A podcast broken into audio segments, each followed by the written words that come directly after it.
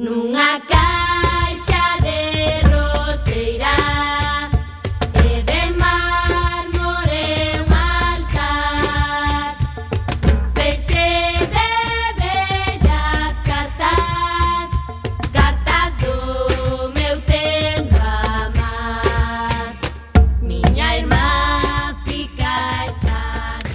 Ola, que tal? Moi boa tarde, recendeiras e recendeiros. Benvidas e benvidos a este espazo radiofónico semanal dedicado á cultura que facemos en rigurosísimo directo todos os martes a 7 da tarde, son agora a 7 da tarde en punto, aquí en Coac FM a 103.4 a Radio Comunitaria da Coruña.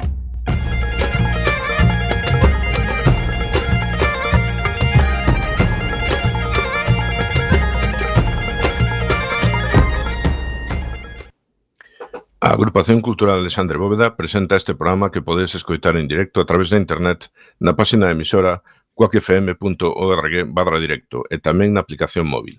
E se non chegastes a tempo, mm, como sempre vos decimos, non tendes excusa. Podedes descargar todos os programas xa emitidos en Radioco, o mega podcast da eh, Quack FM, tamén en Google Podcast, se nos buscades en Google, ou tamén podedes escoitalo na redifusión de Quack FM, que será os mércores ás 8 da mañá, os venres ás 4 da tarde e na madrugada do domingo ao luns ás 12 da noite. E a partir de agora seguírenos nas redes sociais, tanto deste programa Recendo como da propia agrupación cultural Alexandre Bóveda, que teñen abertas as súas canles en Instagram, Twitter e Facebook ou na web www.acalexandrebóveda.gal. Música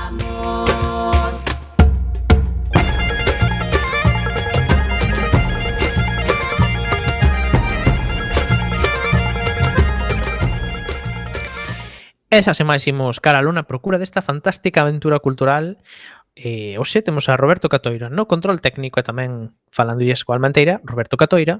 E na locución tamén nos acompaña Miguel Anxo Facal. Facal.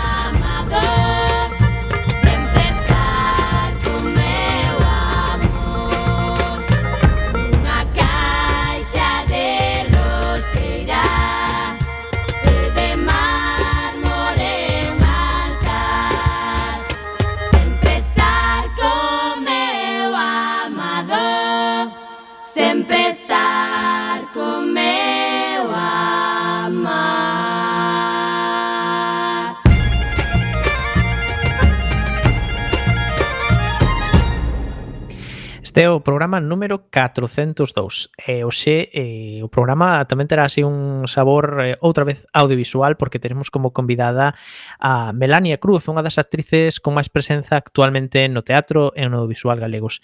E, eh, como sempre, falaremos das actividades da nosa agrupación e das outras cousas que se van na Coruña e na Galiza e que tamén son cultura. En canto a música de hoxe, penso que nunca escoitastes en Racendo música do novo grupo Carballés Chicharrón, que fai un pop atmosférico moi atractivo. Presentamos a primeira peza de hoxe titulada Non creo nada do que vendes. Música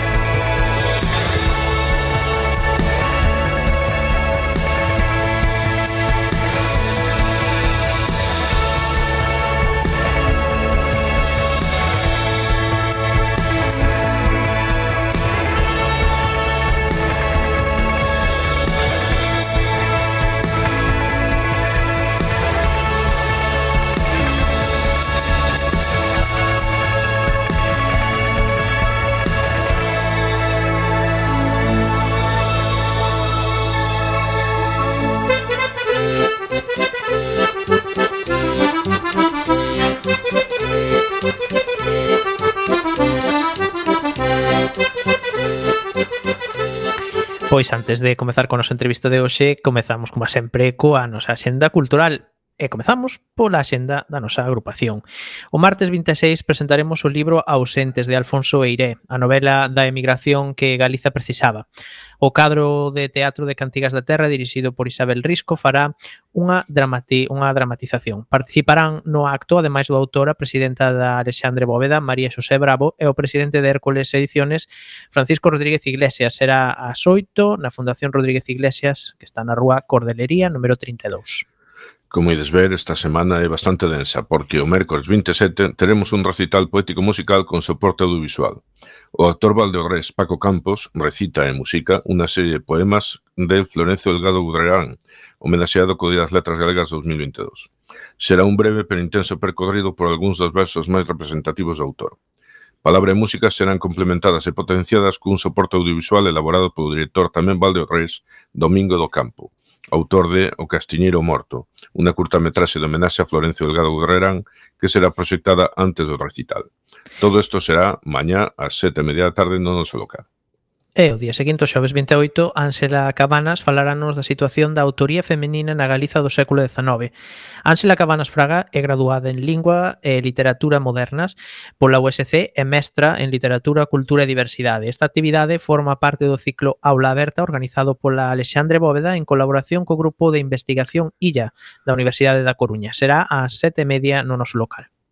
E rematamos esta intensa semana o vendres 29, porque Galiza Cultura, a Federación de Asociacións Culturais da que a CAP forman parte, presenta no Circo de Artesáns a obra dramática completa de Manuel Lourenzo, figura central do teatro galego contemporáneo. A Federación Galiza Cultura está a publicar a súa magna obra teatral, organizada cronolóxicamente en sete volumes, dos que ese día 29 presentaremos os catro primeiros xa impresos. Será ás sete da tarde, no Circo Artesáns, eh, que cuxa sede está na Rúa Santo André, número 36.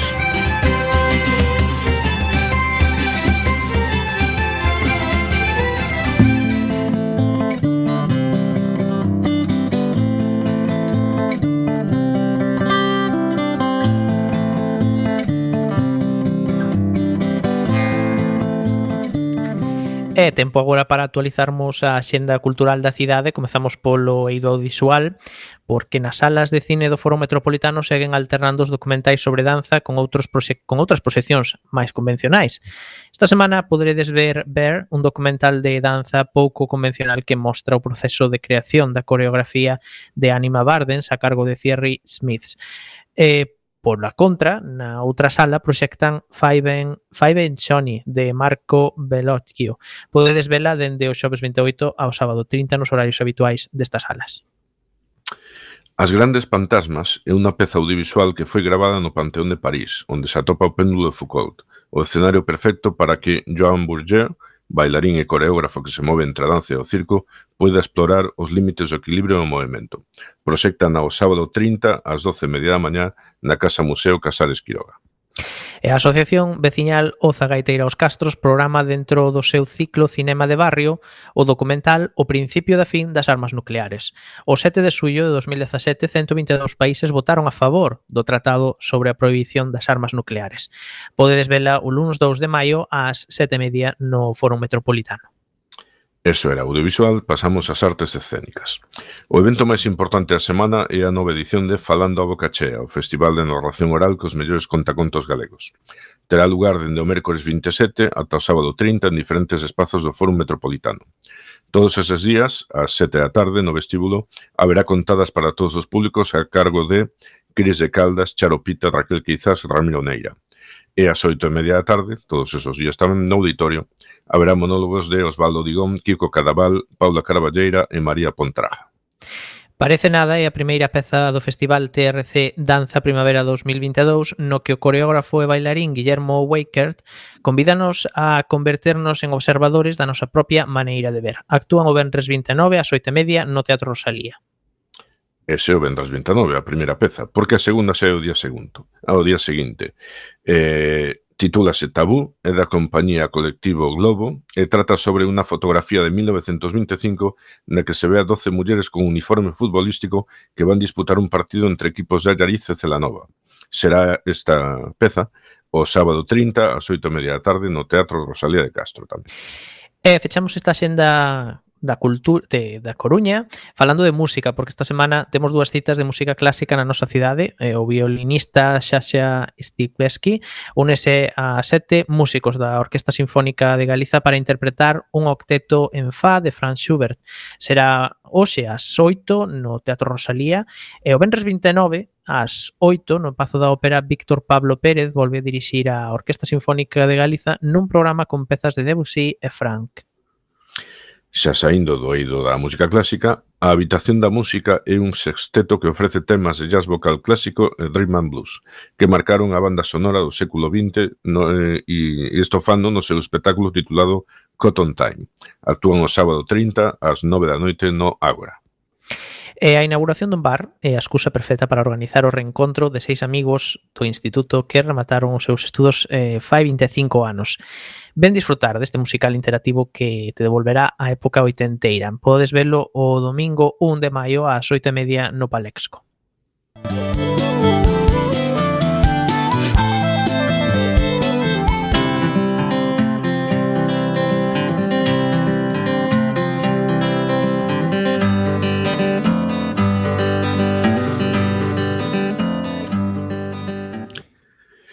E proseguimos para rematar xa coa xenda da eh, nosa terra da Galiza e comezamos por Ferrol. Como na cidade departamental non atopamos así ningún evento reseñable, desplazamos uns, uns poucos kilómetros a veciña Narón, que sempre ten unha poderosa programación teatral. A veterana compañía Sarabela Teatro presenta a súa montaxe Morgana en Esmelle, baseada nunha novela de Begoña Camaño. Podedes vela o vendres 29, sábado 30, ás 8 media da tarde no Pazo da Cultura de Narón. Conta Creques é un espectáculo poético e divertido dirixido a un público entre os 3 e os 7 anos da compañía M2 Emoción e Arte. É unha peza de creación propia con textos de Ricardo Combi baseados nos contos clásicos como O Reseñor, Garbanciño e O Zapateiro e os Trasgos. Actúan o domingo 1 de maio ás 6 e media no Auditorio Gustavo Freire de Lugo. En Vigo, o espectáculo Demente da Compañía de Danza de Franxieira nace coa intención de dar visibilidade ás doenzas máis marxinais na comunidade actual, as doenzas mentais. Actúan os xoves 28 e sábado 29 ás 8 da tarde no Auditorio Municipal de Vigo. E como sempre din os meus compañeiros e compañeiras, damos un chimpo a Ourense por onde Bat, eh, porque ali podes ver Bat, que é un espectáculo de danza composto de tres coreografías, Os escravos felices, 30 e Walls, de Martin Herriach e Seid Madebova. Se vos interesa, actúan o Benres 29 ás 8 no Teatro Principal, diso, daquela cidade de Ourense. Chegamos a Pontevedra, boa vila. Ana é unha ama de casa convencional da España dos anos 60 cuxa vida dará un xiro o día que coñece a Vivian, fotógrafa francesa de espírito libre. Diso trata a obra titulada Ana tamén a nos levará nos esquecemento, da compañía Una Hora Menos. Actúan o sábado 30, ás 9 da noite, no Pazo da Cultura de Pontevedra.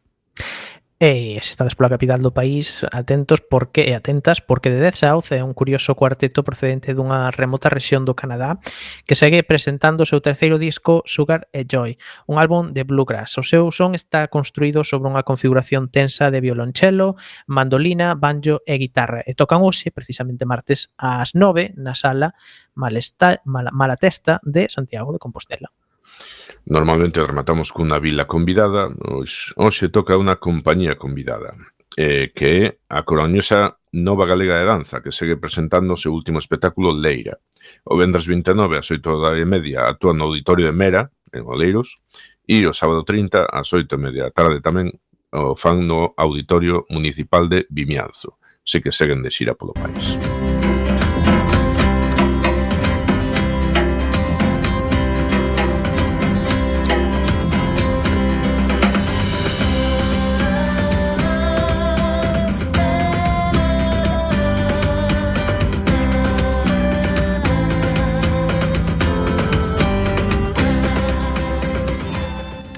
A semana pasada recordaredes que tivemos a oportunidade de falar co crítico de cine Moncho Lemos e José imos continuar falando de cinema, de audiovisual, pero esta vez imolo facer cunha profesional do mundo do celuloide. Esta tarde temos a oportunidade de falar cun dos rostros máis representativos do cinema galego actual. Ela traballou cos que seguramente sexan os directores máis representativos e importantes do momento eh, que, que estamos a vivir. Non? A nosa convidada desta tarde é a actriz luguesa Melania Cruz.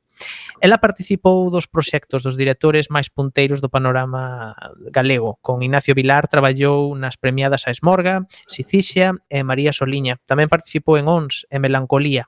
Melania tamén tivo a oportunidade de traballar en filmes tan especiais e destacados como Dogs de Andrés Goteira e Trote, dunha das figuras do novo cinema galego como é Xacío Baño. Comezamos destacando o traballo de Melania Cruz na gran pantalla, pero tamén a pudimos disfrutar na pequena pantalla en series tan populares como Serra Moura, A Estiva ou Viradeira, así como en telefilmes como Contou Rosalía, onde interpretaba a eterna poeta galega. Ainda así, a nosa convidada é unha muller de teatro. Comezou nas táboas sendo moi nova no seu Lugo natal.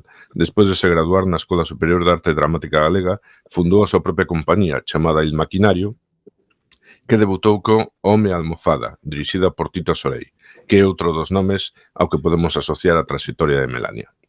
No 2016 gañaba María Casares a mellor actriz pola obra O Xardín Suspenso, dirixida por Cándido Pazó, e hai tres anos voltaba a fundar outra compañía de teatro, esta vez bautizada A Quinta do Cuadrante, tamén con Tito Sorei. Sen máis dilación, damos a benvida a actriz Melania Cruz. Boa tarde, Melania. Hola, moi boa tarde.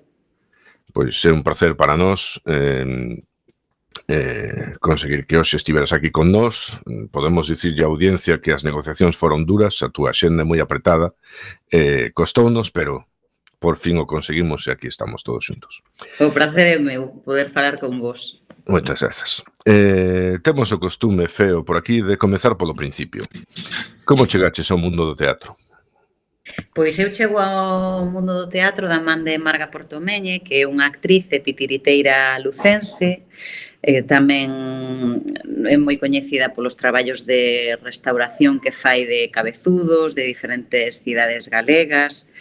Eh, eh, achegome ao teatro, primeiro no cole, con ela, e despois volvo a coincidir con ela no instituto, no grupo do Instituto Feminino de Lugo, a Virxe dos Ollos Grandes, que se chama, onde me avisa unha das profesoras fundara o grupo e por ese grupo pasaran pois xente como um, Jorge Coira e Tosar que coincidiran ali e que tivemos a oportunidade de sendo alumnas de que nos viñeran dar unha charla os dous e, e poder un pouco intercambiar impresións con eles alrededor dunha curta que se chamaba As xoias da señora Bianconero eh, que, que foi das primeiras cousas que fixeron xuntos Jorge e, e Luis.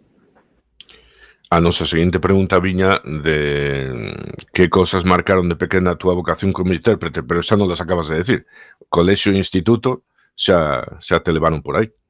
Sí, e despois que hai algo, non sei, na miña familia, porque eu vi, vi a, a miña irmá de pequena, as miñas curmás, que son todas máis pequenas que a min, e xa eran moi de facelo teatro na casa, non? Como de preparar obras de teatro, e, e representalas despois, pois, por exemplo, os domingos despois de comer ou cando había algunha festa ou cousas así.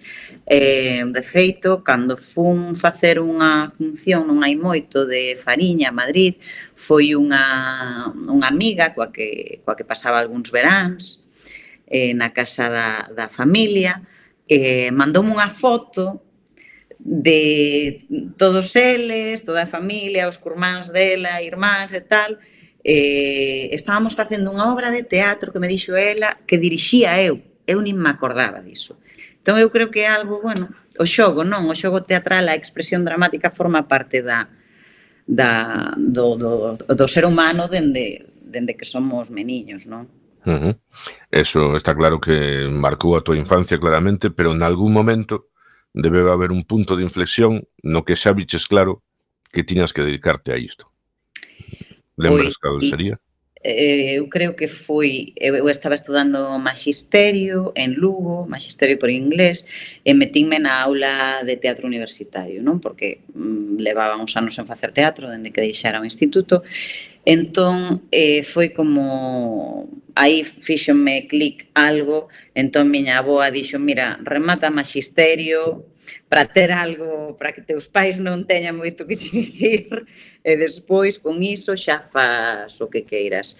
Eh, estive en 4 anos na aula universitaria con Paloma Lugilde, despois un ano máis con Kiko Cadaval. E despois xa me presentei ás probas de acceso para arte dramática para a Escola de Vigo e, e dende aí pois xa acabamos a escola, fundamos compañía, despois fundamos outra Sí. Estamos nesta primeira pregunta estamos subindo os escalóns a toda velocidade, así, así, así de gusto. Eh, e agora que xa estás máis ou menos establecida, que xa és un rostro moi coñecido e tal, eh, xa podes pensar en tomarte con un pouco máis de calma a túa carreira ou aínda tes que seguir pelexando por vivir desta profesión tan dura, tan difícil e donde...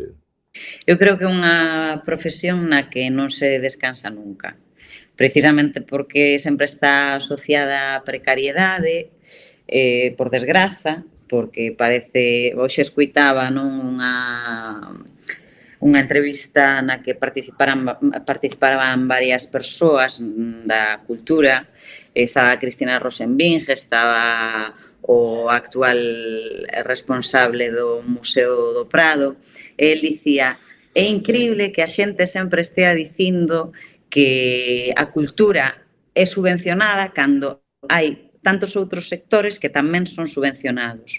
Aquí eu creo en España un momento de inflexión, un punto de inflexión que se aproveitou a gala dos Goya do non á guerra para ir a por o sector e a partir de aí como que se empezou a dar este discurso de que nós éramos uns subvencionados, de que como se o resto de sectores de todo tipo. Como se o automóvil non estivera subvencionado, por exemplo. Por exemplo. Son sí. como calquera país, e isto é algo que di o meu amigo e director, o que admiro moitísimo, Alfonso Sarau, Zarauza di un país eh, un país forte e rico non pode selo se non atende a súa cultura. Uh -huh.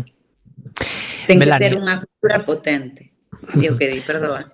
Non, eh, perdón a ti, eh, porque quería introducir que agora, máis que mencionas a Alfonso Zarauza, eh, ti te has traballado precisamente con Alfonso Zarauza, con Ignacio Vilar, por que crees que estes directores pois confiaron en ti para máis dunha ocasión? sí, é unha pregunta complicada, sabémolo, sabémolo. Eu supoño que porque no caso de de Ignacio, el fíxome unha proba para, para dous personaxes das Morga, para Costilleta e para Raxada. El decidiu por unha serie de características interpretativas, físicas e tal, que, que podía interpretar a Raxada. Foi o meu debut en, en cine. E despois, pois no caso de Alfonso, viña de que el xa vira, mm, o co paso dos anos, varios traballos meus, en, en cine, en tele, en teatro, e chamoume para estar en ONS sen casting nin nada, que tampouco é moi... Bueno, con Ignacio a día de hoxe tamén, teño que dicirlo, non fago casting, afortunadamente, é unha sorte, non? Que me chamen sen facerme, sen facerme proba. Uh -huh. eh, se lles encaixo nalgún, nalgún personaxe, claro. E mencionabas antes o papel da raxada, esa película As Morgas representou pois en o sea, foi eh, impresionante, non? O, o a repercusión que tivo e o que representou no audiovisual galego. Ti como como viviches esa esa película e que representou para ti? Pois moita emoción, porque eu coñecía a Esmorga dende a adolescencia, era un libro de, de referencia por moitos motivos, e xustamente a Raxada parecíame dos personaxes femininos quizáis co que máis identificada me podía chegar a sentir. E cando me dixeron que eu ia interpretar a Raxada dixen, wow, eh, e poder participar na versión cinematográfica, porque, bueno, xa sabemos que hai outra versión, La Parranda, pero eh, retrata a, a historia xa dende outra perspectiva, quizáis máis achegada a Castela, non tanto a Galicia, non? Eh. E, e claro, foi unha sorte, un, un orgullo poder participar nese, nese proxecto. Uh -huh. Deixame recordarlle a nosa audiencia que nos a tempada pasada falamos con Ignacio Vilar, así que se queredes recordar ese podcast, pois pues, tendelos aí no Radioco ou en Google Podcast, unha conversa que foi interesantísima. E tamén falamos con Sabela Hermida, que nos veu falar de, creo que ademais o das amigas, non? Eh, que nos veu falar de María Casares tamén, outro episodio super interesante que recomendamos moitísimo.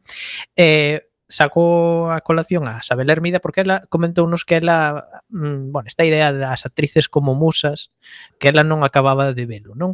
Ti que pensas cando escoitas que tal muller ou que tal actriz é catalogada como musa? Que che parece esa, esa idea? É que as musas é un concepto tan abstracto, parece que as cousas dependen de, de factores que, que son inas, inasibles, non?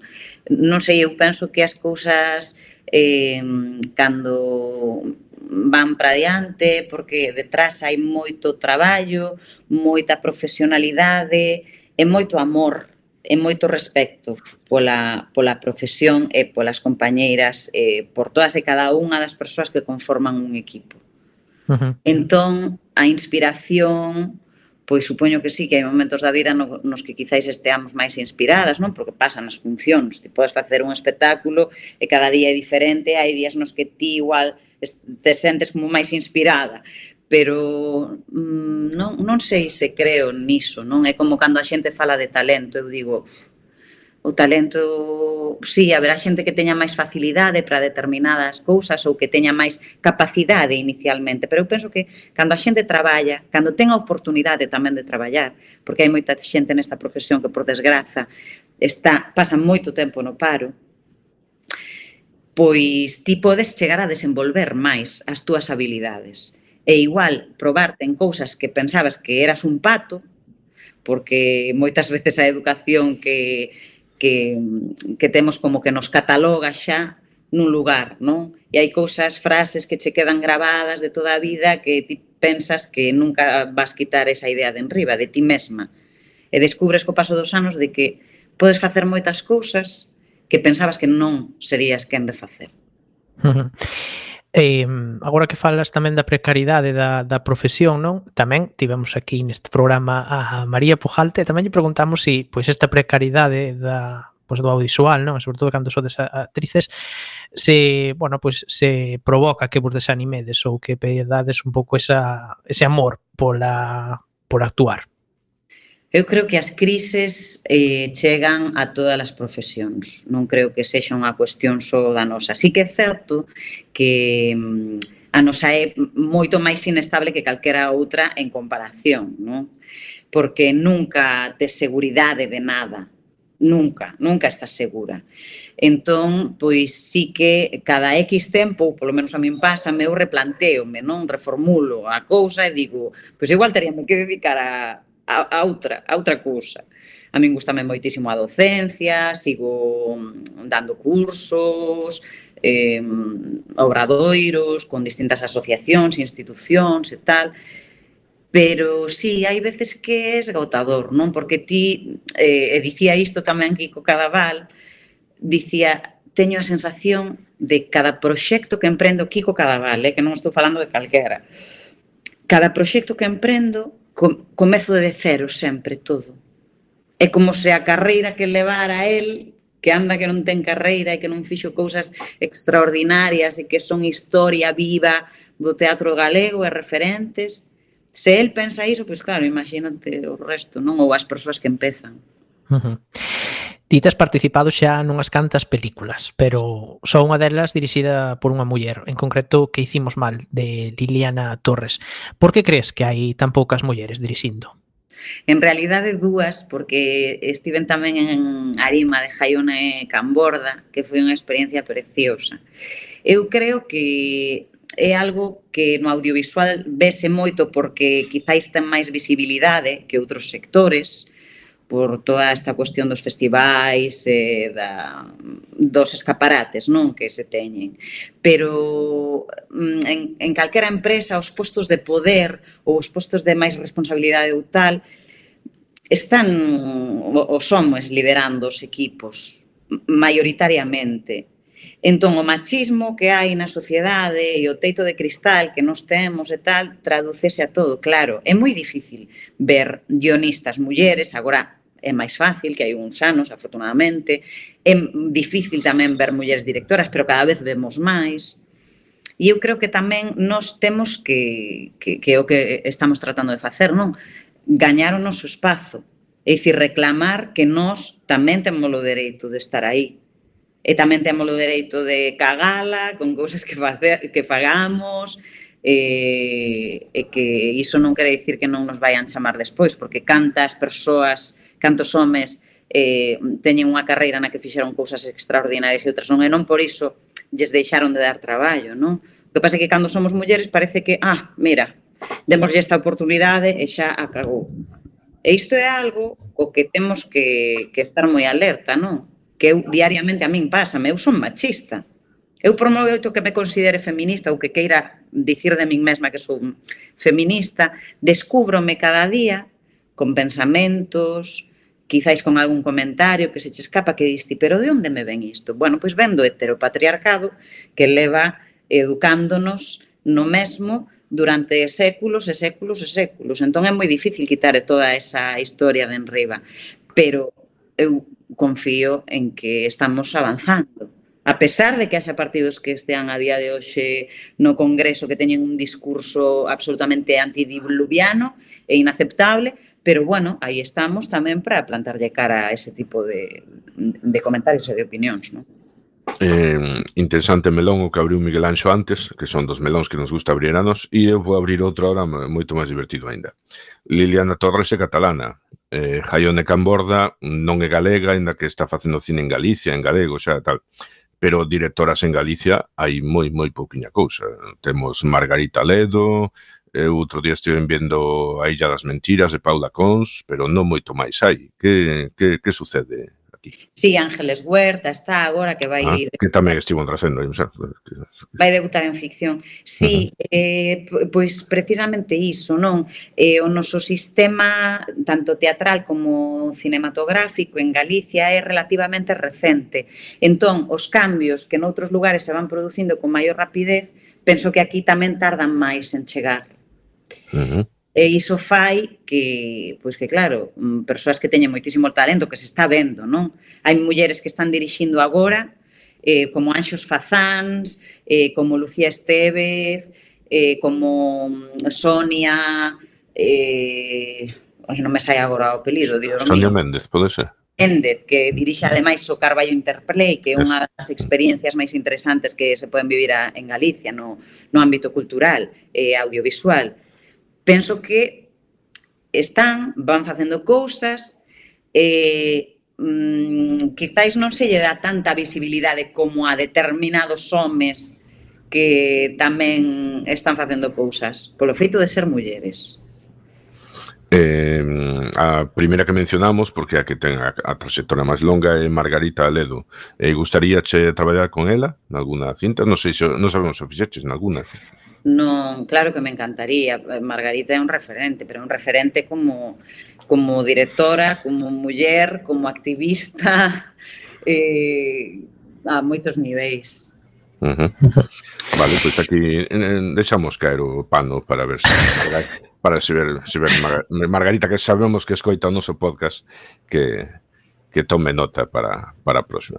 Se vos parece, facemos unha breve, brevísima pausa, porque a entrevista está sendo interesantísima, para escoitar un pouquiño máis de, de música do noso grupo de hoxe, eh, chamado Chicharrón, con unha canción que se titula A túa gravidade. Pero será breve, eh? non, non, que non se desconecte a xente, que volvemos agora xa.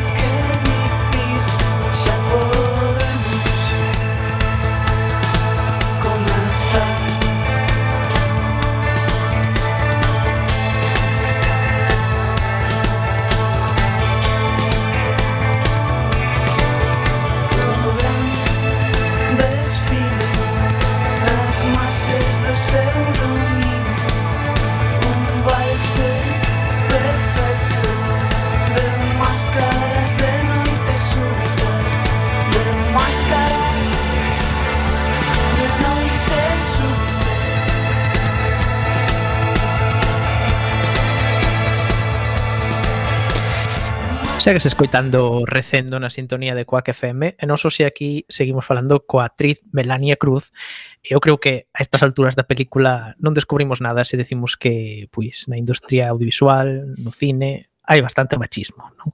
Melania, ti en que cousas notas que as mulleres aínda pois so desde segunda categoría dentro desta industria?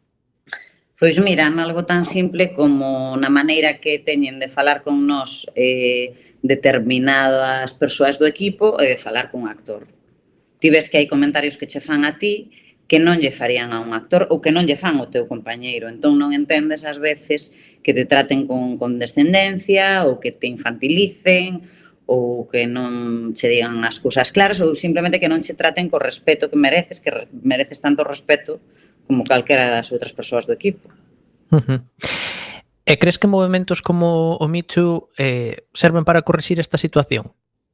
Non sei se para corrixila, pero dende logo si para visibilizala. Entón, no momento no que ti visibilizas algo, eu creo que eh, se abre a oportunidade para tomar medidas e para cambiar certas cousas e para mm, poñer eh, en cuestión determinados comportamentos que se levan naturalizando durante anos e tomando como algo que ten que ser pois eh, como que, que de diario, non? Uh -huh. Hmm. Entón, pois deixa de, de ser algo eh, que, que a xente tome como, pois pasoume isto, pero bueno, é o que hai. Non, non, non é o que hai.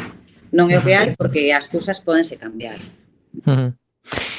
No caso dos abusos do produtor, Harvey Weinstein, do que xa se xa pasaron uns cuantos anos, pero bueno, é verdade que parece que se puxe o foco eh, naquelas actrices, quizáis, non? De que sofriron o, o acoso eh, por mor de non estragar a súa carreira, pero tamén se mella que quizás nos esquecemos daquelas outras que non tragaron coa proposta do produtor, coas propostas do produtor. Non? Por exemplo, actrices como María Sorbino ou Ashley Judd. Que opinas de todo isto? Pois eu opino que, que é moi valente o que fixeron mm, tanto por unha banda como por outra, non?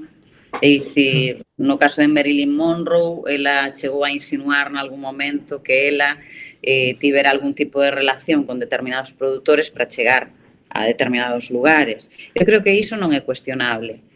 Iso cada persoa é dona do seu corpo, cada persoa decide facer con el o que queira e eu non son quen para determinar moralmente o que está ben, o que está mal, ata onde, si, non. O que está claro é que hai mm, persoas que cando chegan a determinados lugares de poder exercen eh, unha, un abuso e eh, eh, unha serie de levan a cabo unha serie de condutas que non son aceptables nunha, nunha sociedade como a que estamos, como a que estamos vivindo agora. Xa noutras tampouco, non? Pero a día de hoxe, en 2022, creo que non se pode aceptar. E isto cambiaríase e débese cambiar dende que nacemos.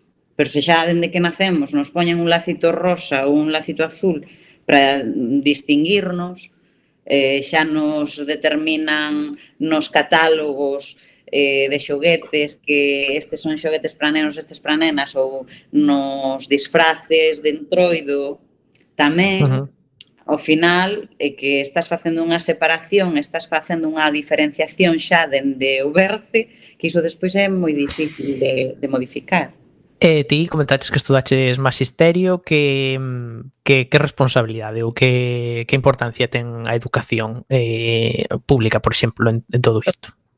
toda, absolutamente toda, non só con respecto a este tema, con respecto a todo. Eu son unha grande defensora, como non selo, da sanidade, da educación eh, públicas, e que non concibo eh, as cousas de outra maneira eh, todos estes discursos que estamos escoitando de que imos baixar impostos e tal, populistas e absurdos, non, eu non quero que me baixen impostos. Eu quero seguir pagando impostos para poder gozar dunha educación de calidade, dunha sanidade de calidade. Eu quero iso, non quero outra cousa. Que non me veñan dicindo que me van quitar máis, que, que, que vou ter máis eh, cartos no peto, porque é mentira eu podo ir ao médico se estou enferma porque pago os meus impostos. Non quero ter que pagar unha pasta, como me dixeron un colega que acaba de estar en Estados Unidos agora, en Nova York, un rapaz que ingresaron porque lle deu un desmaio, ten que pagar 10.000 euros. E tiveron tres horas no hospital. 10.000 euros. A xente, eu creo que non sei se somos conscientes da sorte que temos coa nosa sanidade a pesar de que estean intentando privatizala por todos os medios e a pesar de que estean eh, intentando facer desaparecer as infraestructuras que temos que son eh, unha referencia a, a moitos niveis. Non valoramos suficientemente isto de poder ir a un hospital e ter que esquecerte de nada máis, non? Non ter que preocuparte despois do que veña a posteriori. Efectivamente. Imos facer un pequeno cambio de tercio na, no, na, na trayectoria que levaba a entrevista e vamos a falar agora de o cinema galego, posibles formas de, de promoción e de difusión neste cambiante mundo no que nos atopamos. Ons foi o film máis visto na plataforma HBO durante unha semana. Pensas que nas plataformas está o futuro do cinema feito en galego e dende Galicia? Non, en absoluto. Creo que as plataformas eh, está ben que, que existan para, para difundir, para... Perdón, teño o can que está eh, sí, na sí. galería querendo xogar como un tolo. Se se escoita é por iso, sí, sí. Vale, pero non, hai, non, non teño outra bandeira hoxe. Uh -huh. Eh, a, a cuestión é que non se pode prescindir nin das salas de cinema nin dos festivais. Para min, porque me parece que é o que conforma realmente o tecido cultural, o que fai que as cousas que se fan en cine poidan chegar ao público, e o que fai eh, que se poidan crear sinerxias, que se coñezan profesionais entre eles, que poidan xurdir máis proxectos, que se intercambien ideas, opinións, perspectivas diversas, porque se nos cargamos todo iso, estamos nos cargando tamén a esencia do cine. É claro que é moi cómodo estar na miña casa e poñer unha peli e tal, pero non ten nada que ver esa experiencia con ir a unha sala de cine, que a min encanta, me ir soa ao cine, uh -huh. sentarme con descoñecidos que, que, que igual non volvo ver na miña vida e compartir momentos vendo unha peli, sentir que a persoa que teño ao lado está emocionándose como a min ou está pasando apuro como a min eh, ou igual está pasando outras cousas, non? Pero esa experiencia, iso non che dá esa experiencia unha, unha plataforma. Non che dá iso, estar na casa eh, vendo algo.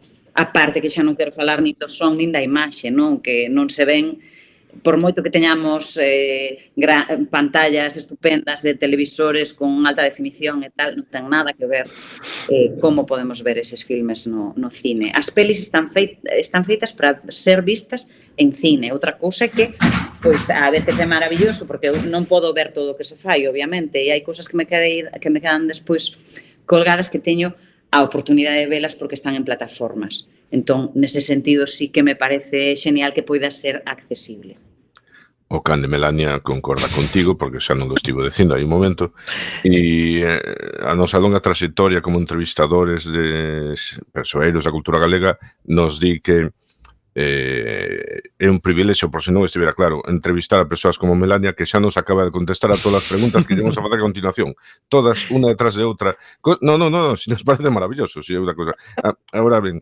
tiñamos aquí unha escondida ao final que non que non chegaches a ela, que se sale un pouquiño da, da liña que das personaxes que interpretaches no cine, cal é a tua favorita e por qué?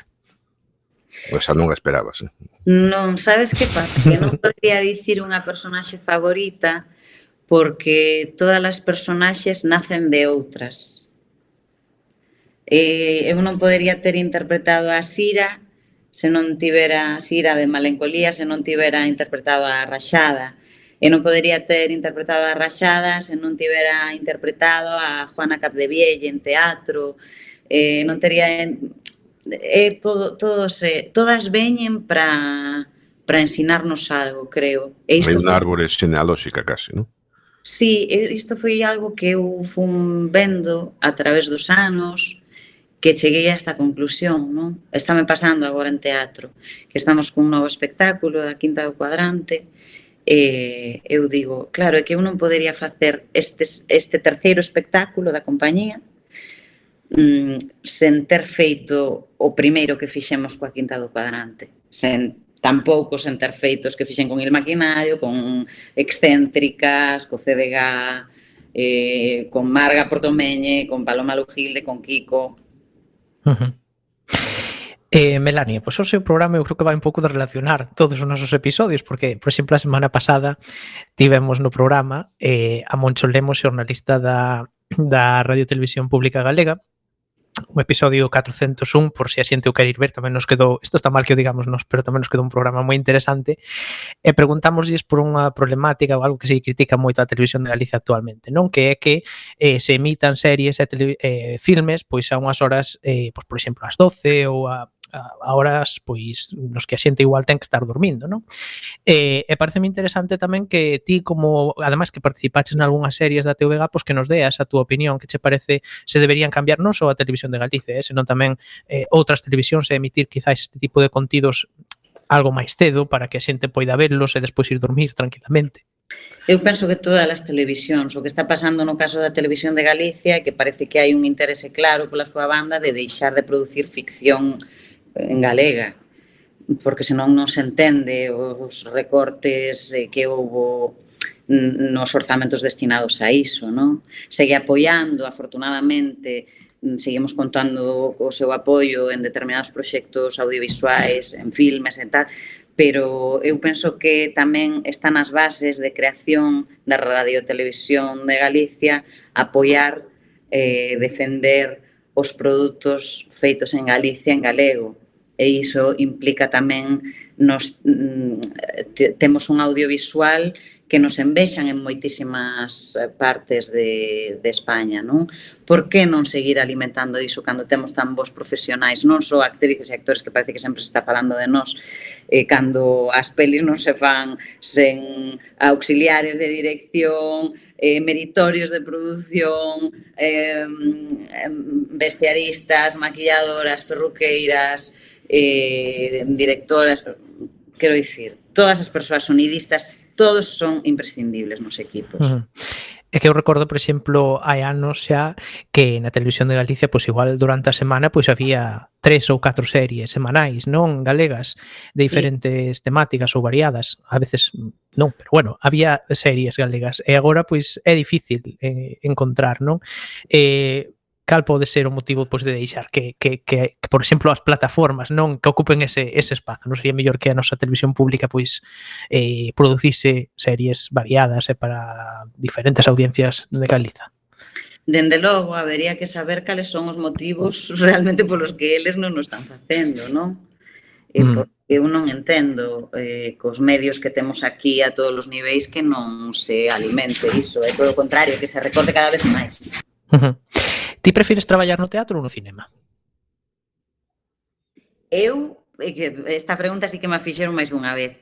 Creo que non podería escoller ninguna das dúas cousas, é dicir, non podería prescindir, porque hai cousas que que mm, do teatro que me axudaron a traballar en cine e viceversa. Entón penso que que mm, ambos medios se se retroalimentan, que que é aplicable o que aprendes nun lugar uh, cando estás traballando noutro, non? Uh -huh.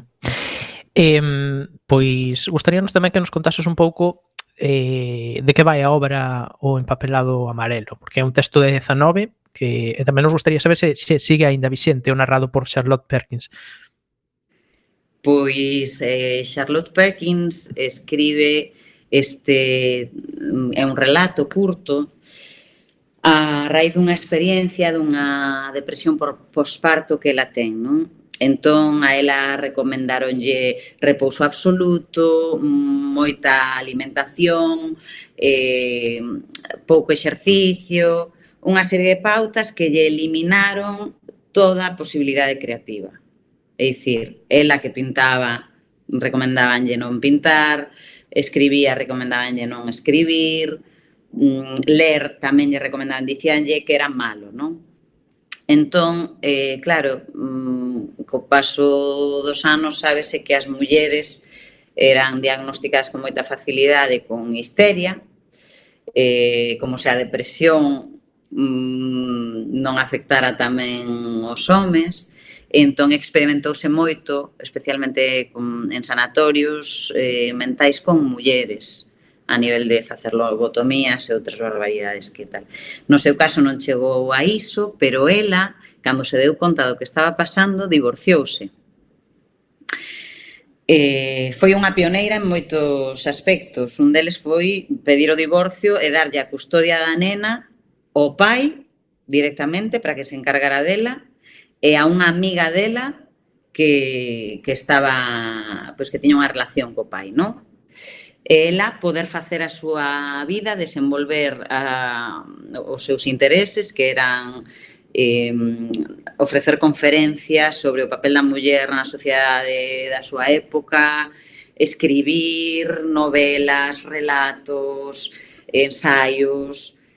Eh, este é, é moi interesante este relato en cuestión porque fala iso dunha muller que está pechada nunha habitación que está forrada dun papel amarelo e de repente mm, sente como a presenza de outra muller que se agocha debaixo dese papel amarelo que parece ao principio eh, lle provoca un terror eh, que ela non é quen de controlar, pero ao final eh, acaba sendo acaba como creándose unha relación eh, entre ambas as dúas de, de como de necesidade e de coidado, por dicilo de alguma maneira. E non desvelo máis, porque se hai xente que non leu este relato maravilloso, eu recomendaría.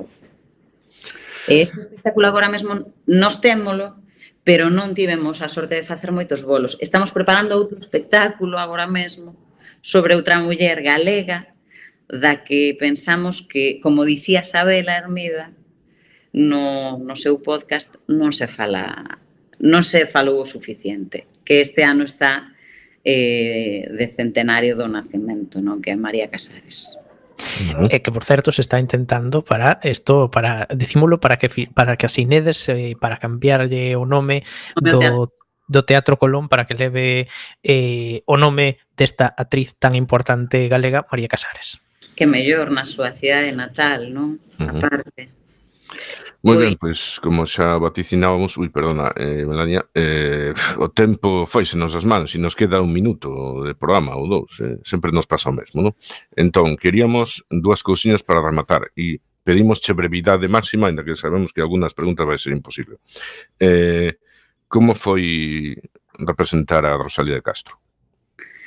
Unha responsabilidade tremenda e moi divertido tamén. Uh -huh íbamos te preguntar por novos proxectos, pero xa nos contaches que estades aí traballando sobre a figura de María Casares e queríamos, eh, sería para nós un privilexio que rematáramos a entrevista eh, con Melania mandándolle un saúdo á audiencia de Coac FM.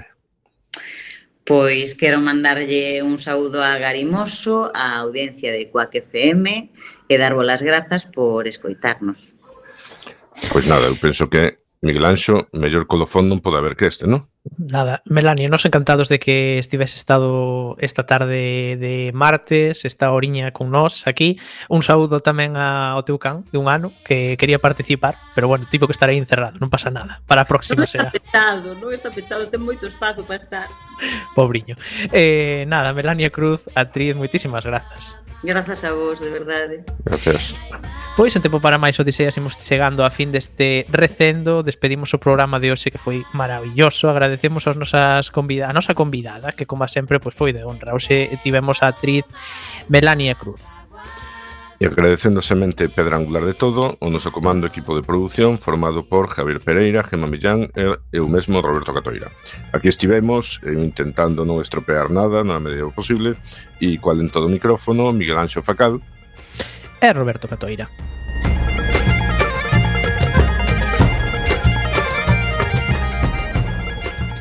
acompañándote como sempre neste recendo de palabras e de imaxes radiofónicas que nos traen este aroma cantado na nosa lingua e que nos permite hoxe e tamén no futuro a permanencia da palabra, da música, da implicación e o compromiso coa nosa nación, a Galiza. Ata vindeiro martes a 7 da tarde en directo nesta emisora Coac FM da Coruña. Xa sabedes, recendo as, prim as mil primaveras que terá o noso idioma. Traeme aquelas doces cartas